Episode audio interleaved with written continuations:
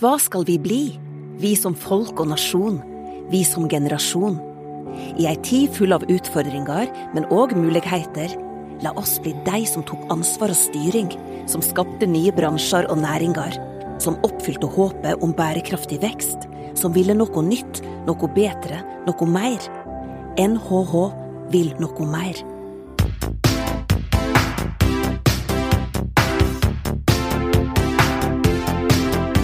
Velkommen til en ny episode av Ledertaffel, NHHs podkast om ledelse. I denne podkasten kaster vi et blikk på aktuelle tema innen organisasjon og ledelse. Vi diskuterer hva forskningen sier, og vi kommer med noen av våre tanker om hva ledere kan gjøre annerledes for å lykkes der de er. Mitt navn er Marius Jones, og jeg er ph.d.-stipendiat her ved Norges handelshøyskole. I denne episoden har vi med oss Tina Søreide, som er professor på NHH. Vi snakker om korrupsjon og økonomisk mislighold, og spør hvorfor vi ser eksempler på fusk med reiseregninger, pendlerboliger og skatteunndragelse på Stortinget. Velkommen til en ny episode av Ledertaffel. Vi skal snakke om integritet og økonomisk mislighold eh, blant politikere. Og skal vi snakke litt om korrupsjon. Og med meg så har jeg Tina Søreide, som er professor på NHH, så velkommen til deg. Takk for det. Og så har jeg selvfølgelig med meg Therese Sveidrup, som er førsteamanuensis og fast podkastmakker. Så velkommen til deg også, Therese. Takk skal du ha, Marius. tenker Vi skal kanskje begynne å snakke litt om korrupsjon generelt, men grunnen til at vi har denne episoden, var jo litt dette her med saker om noe som kanskje ser ut som hvert fall, økonomisk mislighold blant politikere. Så I senere år har vi sett flere eksempler der hvor stortingspolitikere har blitt mistenkt for både skatteunndragelse, juks med reiseregninger, eller fått eh, pendlerboliger som de kanskje ikke har rett på. Så For å starte litt med disse begrepene. da. Eh, Tina, du forsker jo på korrupsjon, eh, økonomisk mislighold, misbruk av makt. Hva legger du i disse ulike begrepene, og hvilket begrep tenker du er liksom nyttig hvis vi skal forstå det som skjer på Stortinget? Ja, altså Når det gjelder korrupsjonsrelaterte utfordringer, så kan vi tenke at vi har en kategori av det som er helt opplagt ulovlig. Eh, og så har vi en del ting som kanskje kan være uaktsomt. At man ikke helt har skjønt reglene, eller ikke helt satt seg inn i det så mye som man burde. Eller utnyttet gråsonevurderinger og muligheter og sånne ting. Eh, og så har man også at man kan havne i situasjoner ved en feil. Altså at, det er, at, at man ikke er skyldig i en slags strafferettslig forstand, selv om, selv om det kanskje ikke er akkurat et strafferettslig forhold. Så, så, så, vi må tenke at, at, at, de som har havnet i dette, de kan, de kan være i alle de kategoriene. Hvis du kan si, liksom, for det høres ut som ytterpunktet her er kanskje korrupsjon. Da Da har du ordentlig vært eh, lompen. kan man si. Hva, hva, mener vi med det, hvis vi skal si noe om hva det er? Eh, korrupsjon er regulert i straffeloven. Eh, og Det handler jo om at man, at man utnytter sin posisjon for å gi noen en utilbørlig fordel. Eh, så det er noe som er regulert, men jeg tenker at det, den definisjonen er ikke mest aktuelle i denne sammenhengen her. Vi tror ikke at disse stortingspolitikerne har utnyttet fordel for å gi noen andre en, en, eh, en De har ikke utnyttet posisjonen sin for å gi noen andre en, en fordel. De har på en måte vært litt uh, slapp, og noen har aktivt utnyttet ordningene som skal være der for å tilgodese politikere. Og det er ulike eh, grunner til at man er kommet i den situasjonen. Vi har jo det virker som om Stortinget selv har hatt en forståelse av at representantene er på en måte over institusjonen selv. Og at ikke institusjonen kunne kontrollere dem. Og Det kommer til uttrykk i en rapport fra Europarådet som evaluerer sånne type risiko ved land sine styresett der de skrev at Norge burde få bedre kontroll med stortingsrepresentanter. Men så, så svarte altså det norske Stortinget at det, det, kunne de ikke gjøre, fordi det ville ikke være innenfor det som var lov i forhold til det konstitusjonelle. Så det er helt klart at de har hatt en idé om at det administrative ikke kunne kontrolleres skikkelig. Og at stortingsadministrasjonen heller ikke har tatt kontroll på det administrative helt på alvor. De har, har, ikke gitt helt riktig informasjon. Det er flere av de som har, vært, har fått penger som de ikke skulle hatt, som har etterspurt informasjon og, og, og, rett og slett ikke fått riktig informasjon. Og Da kan de på en måte ikke klandres eh, helt for det. Um, mens andre har, har, kanskje latt være å, å, å spørre, og da er, det, da er, det, informasjon de kanskje noen skulle aktivt ha gitt dem. Eh, og så så vi det jo også i forhold til Riksrevisjonen sin posisjon, som er et organ under Stortinget, som likevel skal kontrollere Stortinget. Og når Stortinget ga de beskjed om at de ikke kunne kontrolleres av Riksrevisjonen, så aksepterte Riksrevisjonen det og dermed ble det ikke noe kontroll de siste årene. Så det, det er noe, noe, litt rart i forståelsen av rundt seg selv i forhold til kontroll, det vi har sett på Stortinget her. Jeg må jo si at det er veldig interessant, gitt at du får noen føringer fra Europarådet og osv. om at eh, er det sånn at andre land da klarer dette, og ikke Norge? Norge har generelt veldig gode systemer og bedre institusjoner for kontroll enn omtrent alle land i verden. Så vi får til mye. Men, men, på det øverste nivået der så er det faktisk noen ting som svikter litt. Um, så i forhold til stortingspolitikere så er det ganske dårlig kontroll med hva de eier, f.eks. Og, og vi har sett at det har vært flere saker i forhold til Stortinget. F.eks. det var jo denne stortingsgarasjen der de, der de selv valgte å være byggherre istedenfor Statsbygg. Og der det, utgiftene gikk fra var det 1,1 milliard til 2,3 milliarder. Så det var en enorm budsjettsprekk som ikke fikk noen følger, egentlig.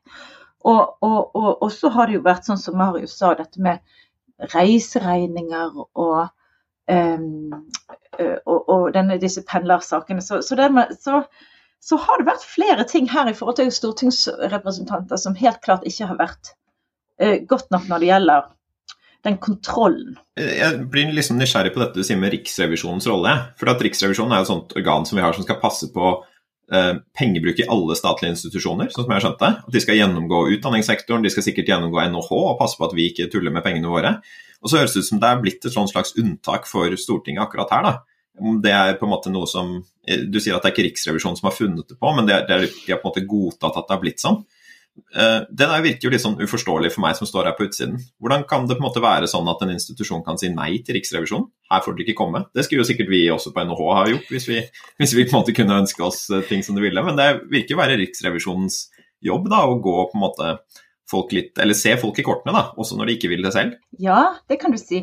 Men samtidig så er jo Riksrevisjonen Stortinget, Stortinget sitt kontrollorgan for den statlige administrasjonen. Ja, og dermed så har de kanskje tenkt at det, det, er de andre de skal kontrollere, og ikke oss.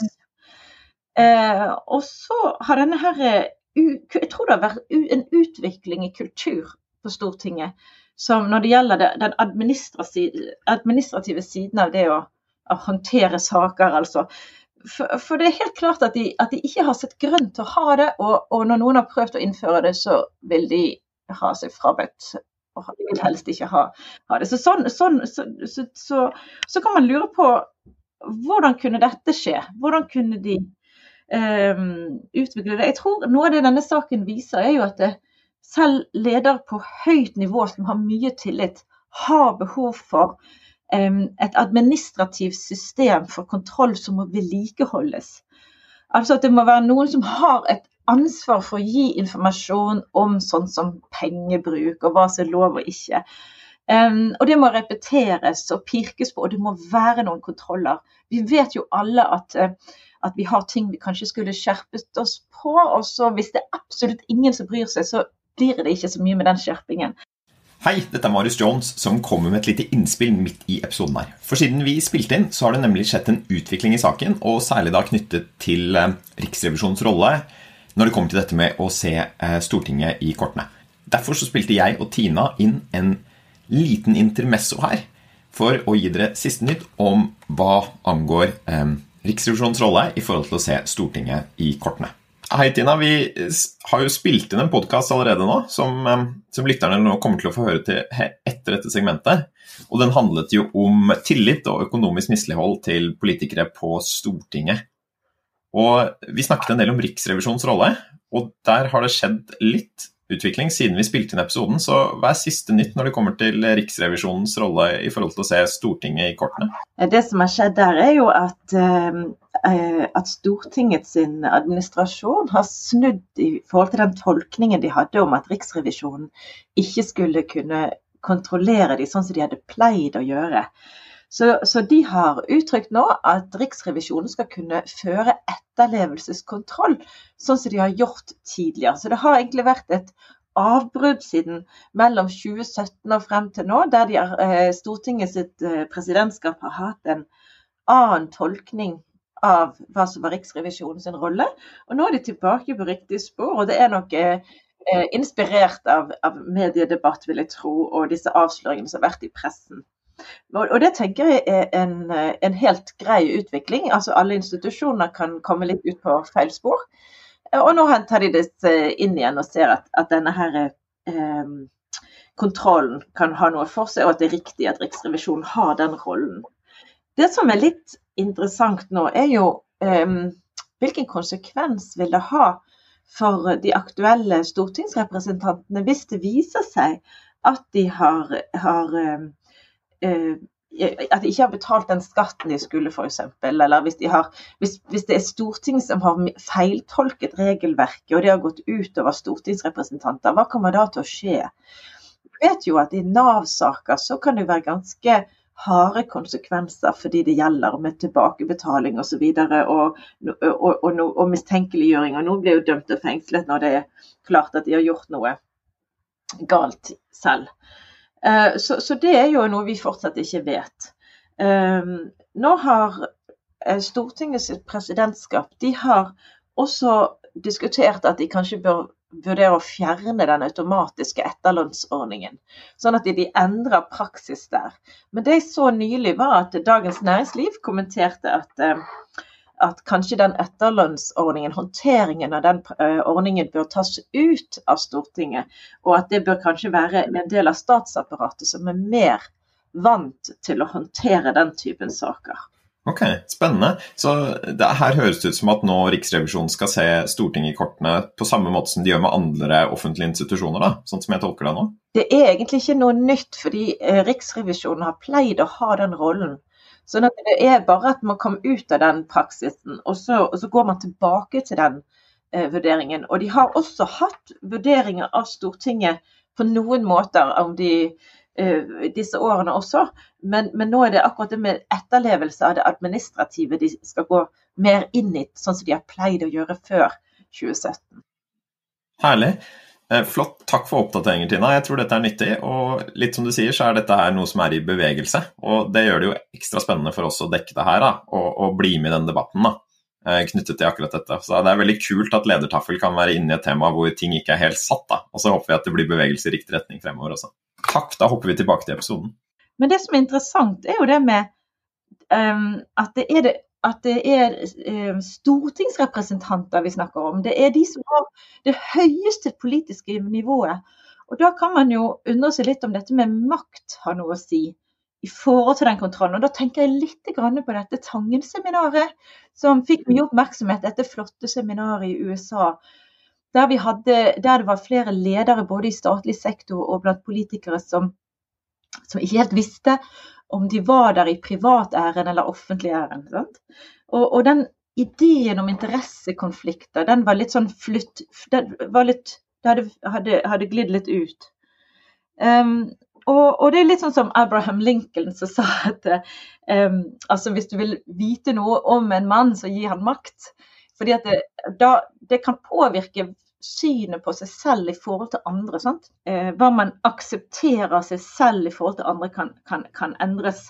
Så Det handler jo egentlig om dannelse, men det er jo aktuelt for ledere alle steder, dette her. At, mm. at man kan bli litt for avslappet når man er på toppen, kanskje. Ja, for jeg blir jo litt fristet, sant, eller hvis vi skal systematisere, kall det årsaker, da, så kan du peke på individet, litt det du snakket om nå, at det skjer noe med deg som person når du kommer på toppen, eh, og at du føler kanskje du har noen flere rettigheter, eller eh, Jeg vet ikke helt hva det handler om, det vet sikkert du bedre enn meg. Så snakket du om kultur. Eh, alle andre gjør det, så her kan vi egentlig holde på sånn, for jeg ser nå at han borti gangen holder på sånn, så da er det jo like greit at jeg kan gjøre det også, ikke sant. Og så er det det strukturelementet, altså mangel på kontroll, eh, rutiner osv., og, så og hva, hvordan det spiller inn. Så er det sånn at vi kan peke på her er en av de hovedårsakene, eller er det uansett nesten alltid korrupsjon? Du har jo eh, sånn, studert dette over lang tid. Hva, hva er drivende? Er det, vil det være variasjoner fra sak til sak, eller kan du si noe om det med de ulike årsakene? Nå syns jeg jo du oppsummerte veldig godt de aspektene vi var inne på. Um, og så um, En ting som går igjen også, er jo at man, um, man overbeviser seg selv om at det man gjør, er greit. Det er først når noen peker på at det ikke er greit, at man skjønner at oi, å, det var jo ikke greit likevel. Det å si at det er på reiseregningen min hadde reist dobbelt så langt med bil eller et eller annet sånt. Um, og, og, og, så, og, derfor blir kultur veldig viktig, fordi man på en måte um, man speiler seg selv i en flokken. At man får sitt selvbilde eh, dannet i en flokk. Og hvis alle andre syns har en litt avslappet holdning til dette her, så, så, vil man kanskje få det selv også, selv om man i utgangspunktet har en, en veldig eh, sterk integritet. Og, og man, vi ser jo òg at noen av de som eh, faktisk er funnet skyldig i, i regelrett korrupsjon, de, de, de har vært betraktet som folk med høy integritet. Eh, og, de har, og, de har, klart å lage seg et bilde om at dette har vært greit. Så det er ikke Vi kan ikke helt eh, kategorisere folk som skurker eller ikke. Og det kan være overraskende hvem som blir tatt i å være involvert i noe galt. Jeg lurer litt på, Hvis vi skal bruke den modellen, jeg syns den var fin, da, Therese, dette med å tenke på individ, kultur og struktur. Og Hvis vi tenker på den og, og ser på det som har skjedd på Stortinget, da, dette her med på en måte skatteunndragelse, reiseregningsjuks og pendlerboliger og sånn, hva ser du da, Tina? Er dette her liksom noen individer, altså på en måte noen hva skal man kalle det, råtne egg i kurven, liksom? Eller er det mer kulturelle og strukturelle ting? Vi har jo snakket nå litt om kanskje det strukturelle da, i forhold til mangel på kontroll. Men hva tenker du er på en måte driverne her, da, hvis du skulle tenke litt rundt det? Hva gjør at dette er mulig, liksom? Nei, Det er nok eh, de, de forholdene vi har sett på, at de ikke har en etablert system på plass. Mm. Og, det, og, det, er noe strukturelt som gjør at det, at det har at en kultur har fått utvikle seg der de har tenkt at dette var greit. Eh, og så kan dette ha med, eh, med makt og posisjoner ha, ha, forsterket noe, men det er jo veldig vanskelig å si akkurat i hvilken grad. Og det har nok hatt forskjellig effekt på de forskjellige. sant? Men, men, men at de tingene der eh, jeg tror, jeg tror det er viktigere enn enn de individuelle. Og vi tenker jo egentlig at stortingspolitikere generelt har solid ryggmargsrefleks og, og, og integritet. Så, så dette, men at dette her likevel kunne skje, er jo på et vis overraskende. Så vi må se det i lys av, av institusjonen, denne litt rare tolkningen på kontroll. Og at når det ikke er noe kontroll, så, så, så kan ting gli ut, og, og, det kan selv skape en ukultur på høyt nivå. For jeg synes Det er interessant når du snakker om det her, da, med dette med at vi bør se til de strukturelle årsakene. For jeg synes ofte når dette diskuteres i media, så tar man jo individene. Og jeg tenker sånn I forbindelse med Ropstad-saken da, så har jo han fått utrolig mye tynn for det. og Det har jo blitt eh, vinklet som at han som enkeltperson ikke har på en måte ryggmargsrefleks og ikke har moral og sånne ting. Og så har man da fått kastet han ut av Stortinget og ut av partilederrollen, og så roer debatten seg. da. Og Da kommer den jo på en måte ikke til de måte, strukturelle elementene. da, Vi gir oss litt, kanskje, da, når, når den enkeltpersonen som sist har blitt tatt inn noe, på en måte er ute av spill. Så, så, hva tenker du om det, altså at, at, medier og den liksom, offentlige diskusjonen går så mye på individ, hvis du sier at det er strukturelle årsaker til dette? Ja, Det er veldig interessant at du sier det. fordi Vi vet jo at media kanskje har en interesse av å lage en skandale rundt enkeltindivider. Men så har vi jo også et, et rettssystem som insisterer på at individet er ansvarlig. Og vi mm. vil ha det. Vi vil at den individet skal kjenne på ansvaret som, som er knyttet til en posisjon og en jobb. Sant?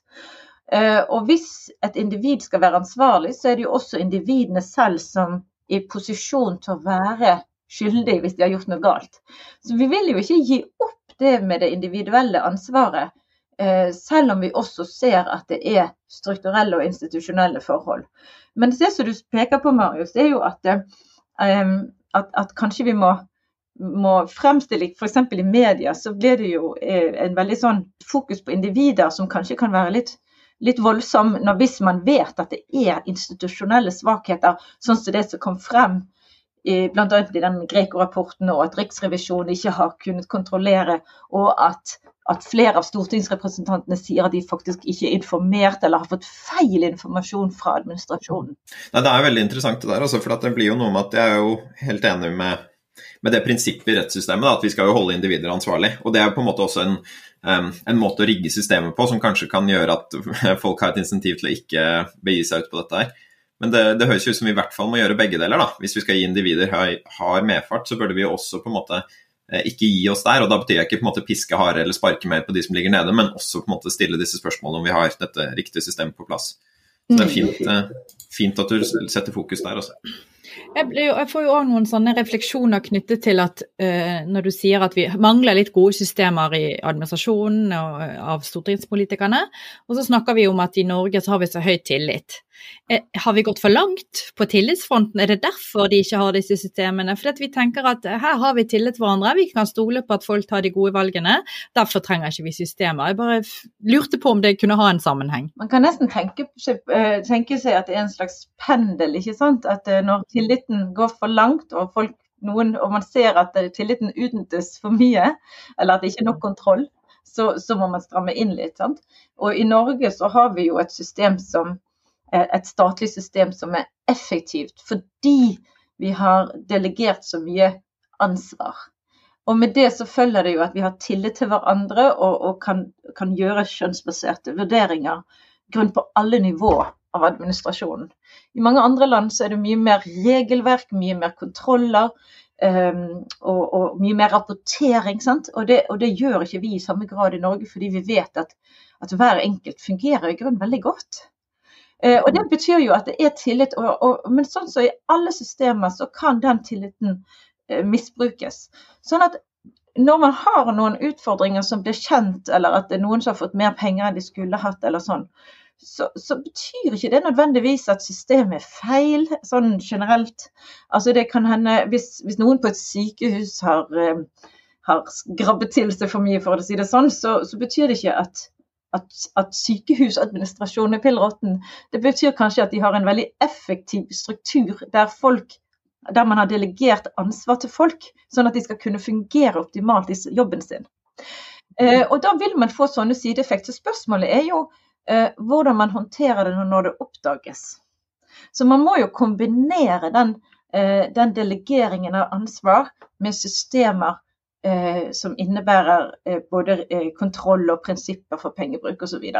Det gjør vi jo stort sett i Norge på, på, på alle nivå. Jeg har jo også sett at du har, du har vært inne og skrevet bl.a. er det med noen masterstudenter i Magma om varsling. Mm.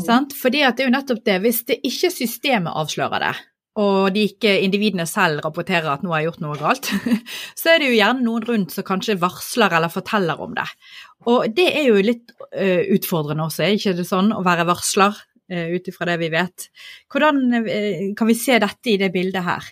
Ja, Varslere det spiller en veldig stor rolle i det å få avdekket eh, mislighold av penger i forskjellige sammenhenger. Særlig når det gjelder økonomisk kriminalitet, så har de betydd veldig mye. I media så kan man ofte få et, inntrykk av at varslere stort sett blir behandlet dårlig og er utsatt for hevnaksjoner og sånt. Men da må vi jo vite at, at ledere i Norge de at stort sett så hører de jo på varslerne. sant? Altså det, er, det som kommer frem i media, er jo de sakene der, der det har blitt en slags konflikt. Så de fleste ledere i Norge vil jo, vil jo ta informasjon om noe alvorlig på alvor og følge opp og si 'så bra at du ga meg beskjed'. Sant?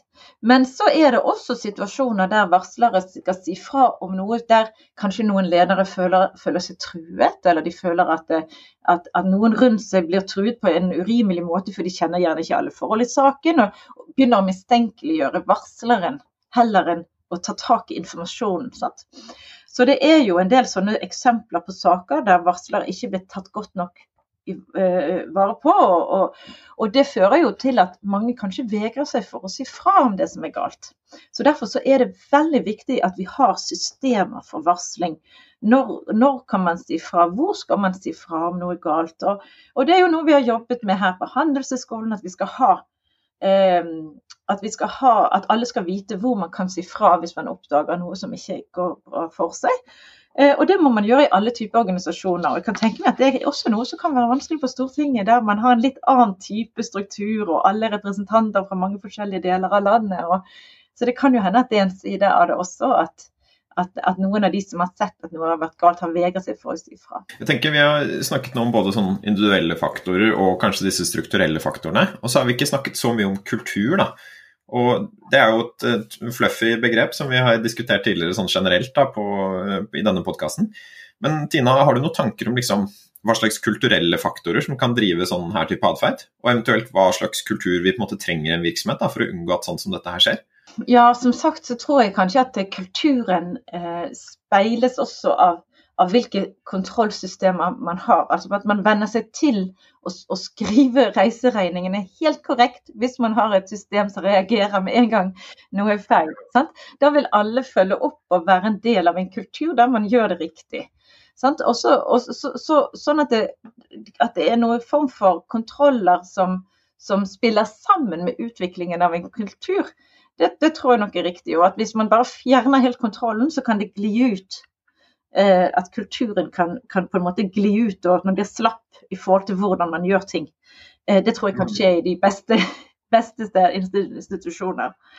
Men så handler det jo også om, om, om hvilken, hva slags dannelse folk har med seg fra barndom og opp gjennom, og hvordan de ser på seg selv og sitt ansvar i forhold til andre, og, og, og hva de er del av. Det tror jeg er noe som, som, som vi, vi, jobber mye med det sikkert på skolen, men, men, der tror jeg kanskje at det kunne blitt enda, enda bedre. At man, at man får dette med ansvar og integritet inn bedre enn det man gjør i dag. Jeg kom til å tenke på, Tina, du, du pleier jo å ta med studentene våre til Er det Georgia, eller? Georgia og Ukraina. Ja. ja. Og hva er det dere eh, ser dere på For nå tenkte vi, nå snakket vi om kultur innad i en organisasjon, mer som en organisasjonskultur, men det er noe jaggu kulturelle forskjeller mellom land. Og jeg regner jo med at det er noe dere tar opp når dere reiser på disse turene over til disse litt mer langt vekk i standlandene, hvis vi kan kalle det det. Ja, det er klart. Det, det er akkurat som um, i økonomi så snakker vi om ulike likevekter, ikke sant. Og, og hva, hvordan tilpasser vi oss i et samfunn gitt måten andre aktører tilpasser seg på. Og, mm. og i noen sammenhenger så, så, kan det være helt andre likevekter da, enn det vi ser. Og det er gjerne det for å presisere kulturbegrepet litt. At hvis ingen andre prøver å gjøre noe produktivt, hvorfor skal jeg gjøre det? Sant? At man får sånn type eh, dårlige eh, situasjoner. Og også i, sånn, i Ukraina så har det vært et problem med korrupsjon i utdanningssektoren f.eks. Og veldig vanskelig å få gode karakterer hvis man ikke har bestukket seg til det. Og da vil jo det påvirke eh, omdømmet til leger og alle de som trenger gode karakterer for å komme inn på et studie. Og det, og, det, påvirker tilliten til folk. Altså det, det, det, er helt utrolig hvordan, hvordan, noen av disse utfordringene kan få eh, følger i, i et samfunn. Så, så også er det jo kultur, altså det er for ulik kultur for um, demokratiske prosesser. Uh, I Ukraina så hadde vi jo en leder, en leder som fikk makten, han skulle gå til bekjempe korrupsjon. Og det var veldig vanskelig, fordi rundt omkring så ble jo de korrupte lederne gjenvalgt, fordi de var jo den lokale befolkningen sine korrupte ledere. Sant? De representerte de på et vis. Så det var veldig vanskelig å bli kvitt korrupte ledere, selv om det var en ambisjon fra toppen. Det kan være et problem mange steder. Og så er det dette med, med, å ytre seg, sånn som så studentene våre på, når de kom til Ukraina sist, så, så, så, så besøkte de en norskeid bedrift der lederen fortalte de at eh, For det var en av studentene som spurte om dette med varsling. Og da fikk de svar om at varsling var forbudt. Ja, sant. det var faktisk ikke lov i Ukraina. Og, NHH-studentene de ble jo veldig forundret over dette her, men, eh, men, de fikk beskjed om at de måtte forstå det i lys av kulturen. Og at det hadde vært en, en eh, tidligere Sovjet-område, og at det var mye sånn eh, tysting om hverandre for penger og forskjellig, og at varsling var sett på som en skikkelig uting. Så, så, så, det, så det var jo så det òg sier noe om betydningen av kultur. Ja, jeg syns jo det sier veldig mye. fordi at hvis vi tenker oss denne verden vi lever i, med alle disse individene, så har vi sånn cirka lik Kall en slags personlighet med oss, da. Nå tar jeg det fra psykologien her.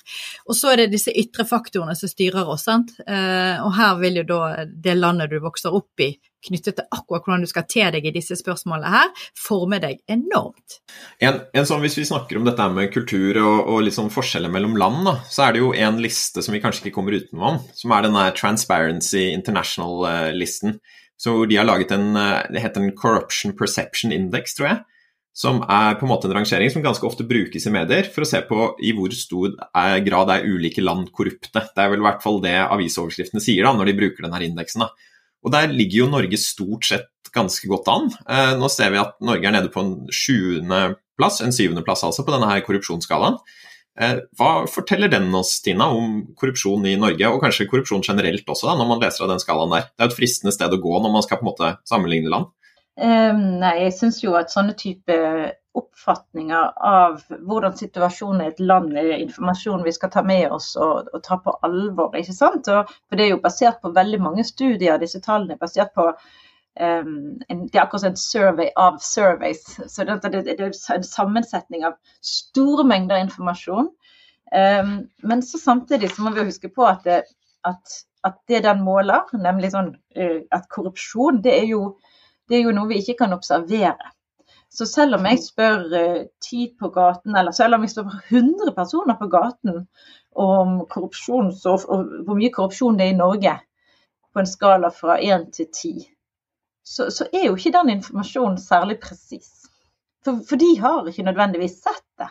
Sånn at vi må huske på at sånn type eh, at korrupsjon det er et, et fenomen som man ikke kan observere. og Dermed så blir informasjonen er, informasjon er ikke troverdig fordi at den, den, kan ikke være eksakt. Og så kan man tenke gjennom hva dette er slags fenomen. Sant? Altså, korrupsjon betyr jo at man undergraver beslutninger, at, noe skjer som ikke skulle skjedd. Noen får penger de ikke skulle hatt. Og, og hvis vi hadde all den informasjonen vi ønsket, hva skulle vi målt? er det, får vi et riktig tall på korrupsjon hvis vi måler antall bestikkelser i et land? Eller er det hvor hvilke beslutninger som blir påvirket, eller altså størrelsen på bestikkelser? Altså Vi vet ikke engang hva vi skulle måle hvis vi hadde eksakt informasjon, ikke sant? Eh, så, sånn at det er akkurat som man har Med hjelp av disse internasjonale indeksene så har det utviklet seg en idé om at korrupsjon i land er noe som kan måles. Og så ser vi at det, det er tall på, på, hvor mye korrupsjon det er i land. Og, og Russland har ett tall. Sant? Altså, hva, hva, betyr det at man, at man, gir en score til Russland? For vi vet jo at det er så stort land um, og har så mange ulike sektorer og institusjoner og beslutningsnivå. At hva sier egentlig det tallet oss? Hvis f.eks. noen av NHH-studenter blir businessledere og skal reise til Russland og drive business, hva sier det tallet om, om, om deres utfordringer, så det at de kan møte utfordringer. Sant? Det, er ganske vanskelig, det der. Men én ting vi vet, er jo at det, det finnes jo um, ærlige folk i alle land. Og det er mulig for risiko for korrupsjon i andre land. Men det var litt lang forklaring på at, jeg, at på disse her indeksene de, det man, sånn Rent teknisk så er det et ganske stort konfidensintervall. Så man har laget en rangering selv om det er veldig mye usikkerhet forbundet med dataene. Og dataene de måler bare opp, folk sine oppfatninger. Så det betyr at vi har ustor, høy grad av usikkerhet knyttet til hva folk oppfatter av et ikke-observerbart problem. Mm. Og Det blir veldig mye usikkerhet der. Men jeg synes likevel at man skal ta det på alvor, for jeg tror de reflekterer noe om folks tillit til systemer. Sant? Og det er jo viktig. Hvorvidt folk har, har, tro på at systemet eh, man er del av og, og statlig styring fungerer sånn som det skal.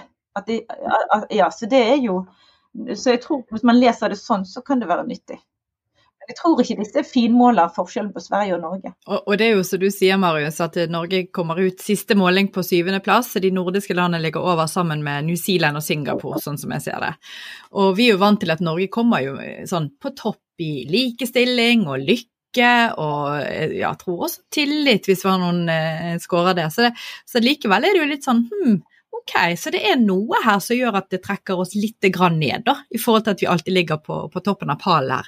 Og da er det jo litt fristende, hvis det gjelder folks oppfatning, hva som kan ha vært med å forme folks oppfatning, hvis du skal spekulere, Tina. Er det media som finner frem disse sakene vi leser om, det ligger i pannebrasken vår, eller har vi hatt spesielt mange saker, eh, tenker du, eller? Ja, ja altså vi ser jo at uh, hvis, et, hvis det er store skandaler i et land, Så selv om det fører til at, noen, at, at regler blir håndhevd og noen blir straffet for det, så kan de landene likevel oppfattes å ha større problemer. Men det kan jo bare bety at det var en presse som avdekket det, og at de hadde et godt håndhevingssystem. Sant? Sånn at det, Hvordan de eh, forholdene påvirker oppfatninger, det er jo eh, det, det, er grunn til å tro at det har en påvirkning, men det er ikke nødvendigvis sånn at man får en høyere score av det. Og Norge, vi, jeg tror jo kanskje at hvis vi tar liksom selve problemet litt sånn ordentlig på alvor, ikke bare tenker at det er noe galt med, med indeksen, så, så, tenker jeg jo at hvis man ser på Norge, sånn, så har vi jo et langstrakt land med små, eh, små byer langs hele kysten.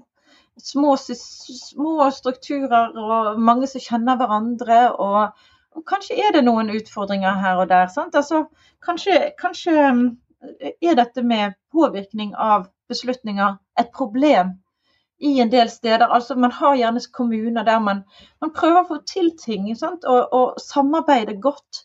Og Da er det vanskelig å være den som sier at hallo, er det ikke en liten interessekonflikt her? sant? Fordi det er stadig der man mistenker at noe er galt, så har man jo ikke fakta nødvendigvis om at det faktisk er strafferettslig galt.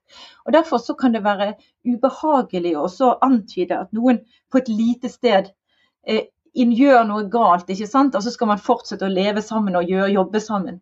Så, sånn at det kan jo påvirke eh, oppfatninger om problemene eh, her i Norge.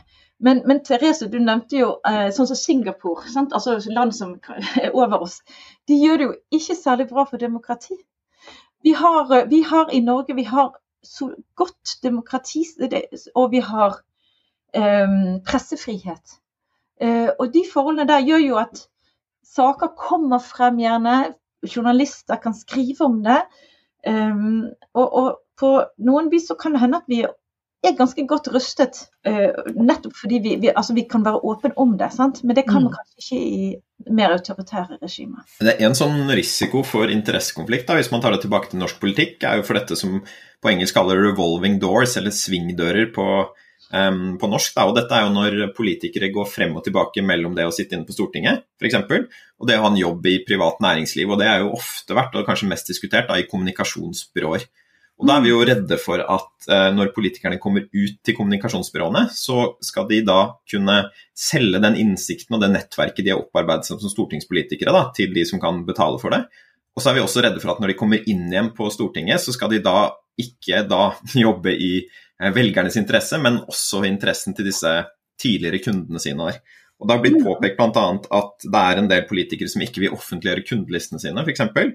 Vi har ikke et lobbyregister i Norge heller, så vidt jeg vet. Altså, vi vet ikke helt hvem som påvirker politikerne våre. Så Vil du si litt om omfanget av dette her revolving doors-problematikken, Tina? Jeg tror, den, jeg tror, ikke vi helt har tall på akkurat omfanget. Og denne her karantenenemnda som skal vurdere om, skal, om det skal være en Eh, eh, om det er noen som skal vente litt med å gå inn i en ny stilling etter det pga. sånn type risiko som du forklarte nå, Marius. Um, akkurat hvordan den har fått litt kritikk, at den ikke helt har, har gjort gode nok vurderinger der, eller reagert godt nok når noen opplagt har gått inn i uh, nye stillinger der de kan ha altfor mye nytte av den informasjonen de har med seg fra en uh, jobb som stortingsrepresentant, f.eks. Eh, men altså, vi har, eh, vi har eh, karantenenemnd som skal gjøre vurderinger av risikoen i det enkelte tilfellet. Og det, I prinsippet syns jeg det er en ganske god ordning. fordi at det, hvis vi hadde generelle ordninger, sånn at hvis vi sa f.eks. at stortingspolitikere får ikke lov til å gå til privat sektor før det er gått tre år. Sant? Da, da, ja, men Det er noe som noen mener man skulle hatt da, da ville vi kanskje redusert um, rekrutteringen til politiske posisjoner. Fordi at det, uh, det ville vært uh, kjipt å ha, være stortingsrepresentant hvis man ikke hadde noe jobbmulighet, hvis man ikke ble gjenvalgt, eller ikke når man, tiden var ute. Sant? Fordi da måtte man gå tre år og studere, eller et eller annet, eller ikke ha en sånn rolle som man ønsker. å og, og sånn. Så dermed så, så, så, er det faktisk bra at vi har et system som er litt sånn Eh, at man ser etter hvor problemene er og tilpasser en sånn ventetid. Sånn at de nettverk og informasjon blir litt foreldet eh, før, man, før, man, går inn i ny jobb. Men, men jeg syns jo at det er en problemstilling man skal ta alvorlig. fordi at det, hvis vi har folk f.eks. domstoler eller reguleringsmyndigheter som, som på en måte prøver å tilgodese potensielle arbeidsgivere for å få en jobb når de gjør en jobb i offentlig sektor. Det er jo et alvorlig problem som ligner på korrupsjon. Og så er det veldig vanskelig å regulere, fordi hvordan kan man vite at de faktisk gjorde det for å få en jobb, eller kanskje var det deres vurdering om at det var riktig. Så, så, så det er noe man, man må være obs på og prøve å håndtere er samtidig som vi må unngå en slags overregulering av problemet. Det er jo litt fristende å, å peke på Vedum nå, som har eh, hva han har gjort? Forbudt kommunikasjonsbyråer eh, i, i, for regjeringen eller noe sånt. Det er i hvert fall et ganske sterkt signal om at nå skal man ikke bruke slike tjenester. Kan, kan vi si noe om det, eller? Hvorfor liksom, dette med kommunikasjonsbransjen er, er, det som på en måte blir siktet på i denne diskusjonen? For jeg ser for meg at dette til en viss grad kan gjelde alle stillinger, da, både det private og offentlige. Ja, jeg tenker at man skal være litt forsiktig med regulering der også. fordi at lobbyvirksomhet er jo en del av vår av, av demokratiet og ytringsfrihet. Og, og, det skal man kunne gjøre på veldig mange forskjellige måter. Og om man bruker øh, om man forbyr noe, så vil det alltid være noen som kan få ekspertråd likevel. sant? Så, så jeg tenker at, at, at, der skal vi være litt forsiktige med, med å, å, å regulere. Ehm, men samtidig så vet vi jo at f.eks. fra USA så er det ofte forbundet med store pengegaver til politiske partier. Og, og, og de partiene de får jo eh, Altså de som gir de pengegavene, får ofte igjen for, for betalingene sine. Sånn at, eh, og det er et system som vi har klart å unngå langt på vei i Norge. Så selv om vi ikke har et, et eksplisitt lobbyregister, så har vi nå i hvert fall klart å unngå det, det der med at man kan kjøpe politiske beslutninger. Vi har ikke det i samme grad som enkelte andre land. Og En av grunnene til det er at vi har betydelig statlig finansiering av politiske partier. Og, og ganske god kontroll med eh, pengebruk og, og, um, og, pengegaver til politiske partier i Norge. Men det er dette som er spesielt med kommunikasjonsbyråene, at de ofte jobber også med lobbyisme? Eller at det er kanskje et, eh, et mål for eh, de som skal kommunisere, at de ønsker å påvirke en politisk beslutning? Er det derfor vi er ekstra vare på akkurat de? Det er klart at de, at de, prøver å påvirke politiske beslutninger gjennom virksomhet, og at de er mye mer profesjonelle enn det vanlige folk er. Så det er jo det som er litt at man må, må passe på at man har plass til vanlige folk, sivilt samfunn, og at, man, at, at ikke politikere bare møter profesjonelle lobby, lobbyister. ikke sant? Så jeg tenker kanskje at det er politikernes ansvar og hvem de åpner døren for, og hvem de møter osv. Ja, det var jo, jo eh, fristende å spille politisk mynt på den tiden, for nå er det vanlige folks tur. Det er jo det den nye regjeringen sier. ja, og i forhold til dette her så tenker jeg jo òg at vanlige folk har jo en, en, en rolle i, i, i, hele dette her med hva slags kultur og hva man gjør med sånne problemer i Norge. Fordi det er mange som glemmer hva som egentlig er førstelinjeforsvaret vårt. Det er mange som tenker, Journalister de vil gjerne ikke skrive om noe som kan være en korrupsjonssak, uten at det kan være det strafferettslig. Men, mens interessekonflikter, offentlighetslov, rekrutteringsregler, innkjøpsregler og alt dette her, det er jo sånne ting som, som er førstelinjeforsvaret, så vi må, må sørge for at det blir respektert. Og her har jo vi alle en rolle. Kult. Eh, er det noen andre typer risikoer vi også bør snakke om når det kommer til dette her med misbruk av makt? Nå har vi jo snakket om ja, skatteunndragelse, juks med reiseregninger, dette med pendlerboliger, og så har vi snakket om disse revolving doors. da. Ja. Er det andre ting du tenker på, Tina, som vi bør liksom ha top of mind når vi skal tenke på, på risiko for dette? Ja, um, i forhold til dette med, som vi begynte med med stortingspolitikere, da, så er det jo et problem at, at vi ikke helt har nok kontroll på hva de eier. Tiende, det var en avdekking i fjor som viste at en tiendedel hadde ikke rapportert hvilke aksjer de eier osv. Men så har vi nettopp hatt en sånn Pandora-leaks, som har fått mye oppmerksomhet, i hvert fall i internasjonal presse, men også flere aviser i Norge som har skrevet om det. Eh, og det handler jo det, har, altså det handler om at folkevalgte har store beløp på konto skjult. Det er noe av det som er lekket, den informasjonen. ikke sant?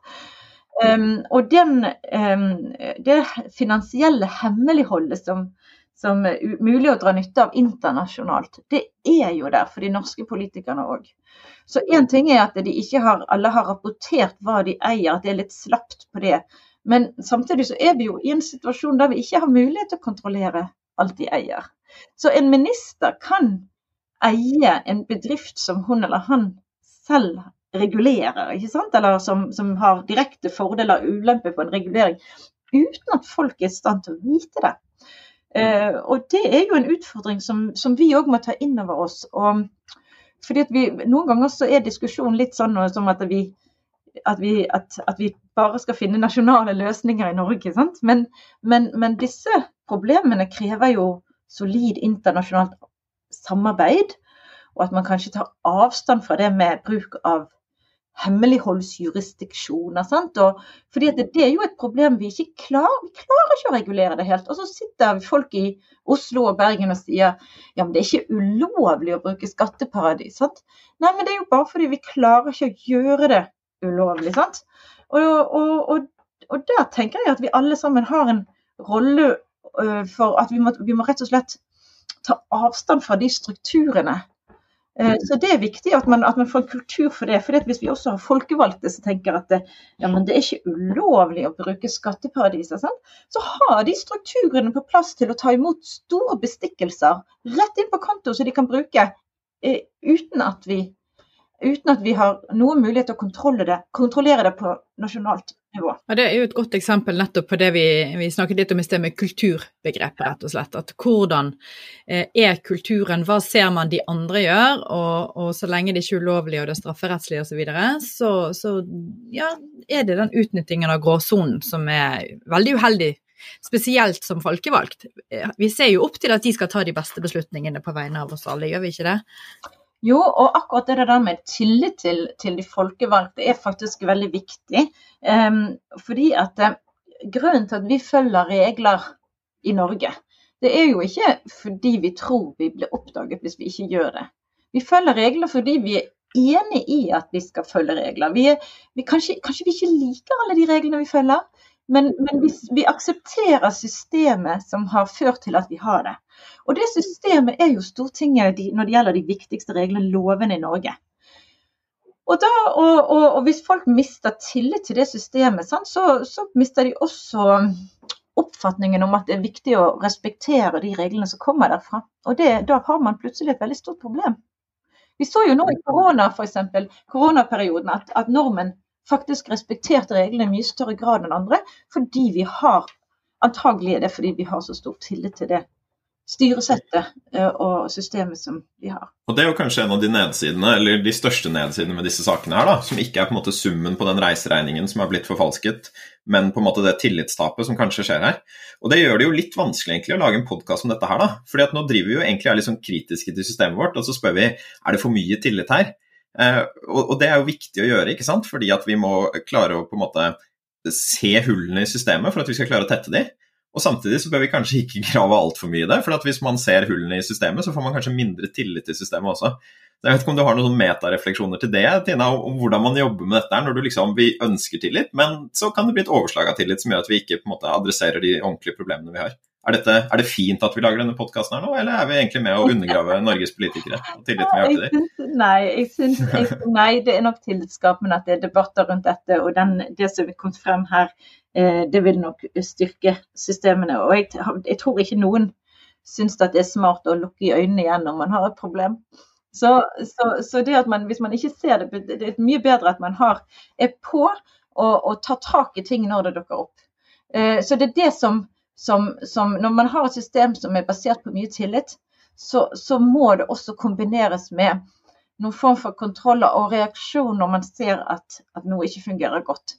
Og, og, Enten det er journalister eller et kontrollsystem eller varslere som sier fra, så må vi være våken for det når vi har eh, så mye ansvar delegert til folk i landet sånn som vi har jeg blir jo litt fristet òg til å få deg til å reflektere litt rundt Vi har jo snakket veldig knyttet nå til stortingspolitikere og ja, våre folkevalgte.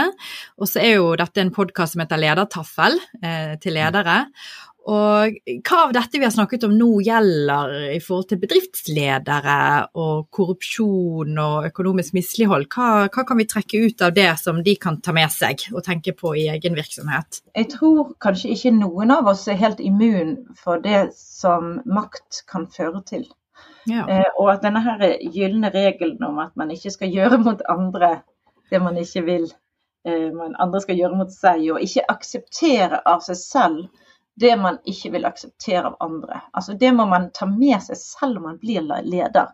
Man er, selv om man har myndighet til å, å ta beslutninger på vegne av en organisasjon, så ikke eh, så betyr ikke det at man er over alt av systemer, kontrollsystemer og sånt, selv om, selv, om, selv om, man ser at det er mulig å, å unngå kontroller eller den slags.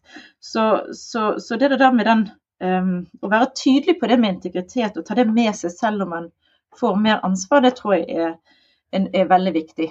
I, å ta med seg herfra. Ja, for jeg merket jo meg litt tidlig i episoden, så snakket du nettopp om det at de som gjerne da har gjort disse tingene, de vet ikke helt selv at de har gjort det. Eh, det, det, handler jo om det som eh, jeg tror sosiologer snakker om nøytraliseringsmekanismer.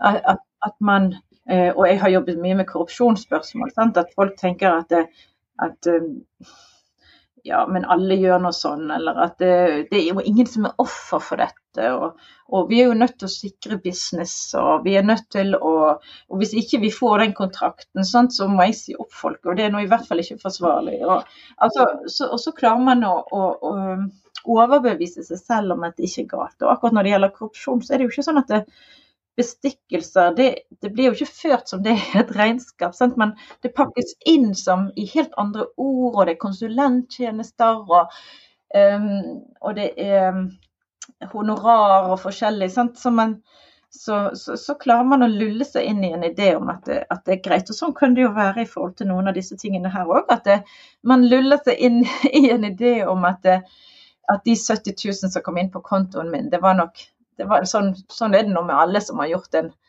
eh, hatt en periode på Stortinget, og, og det, var nok, det, var nok, egentlig riktig.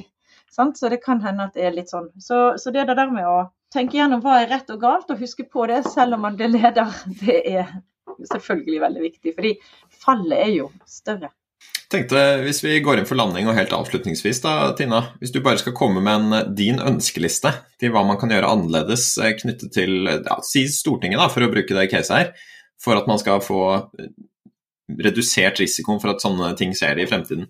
Er det lobbyregister, er det at Riksrevisjonen skal få lov til å se dem i korta, er det andre ting? Hva tenker du er viktigst?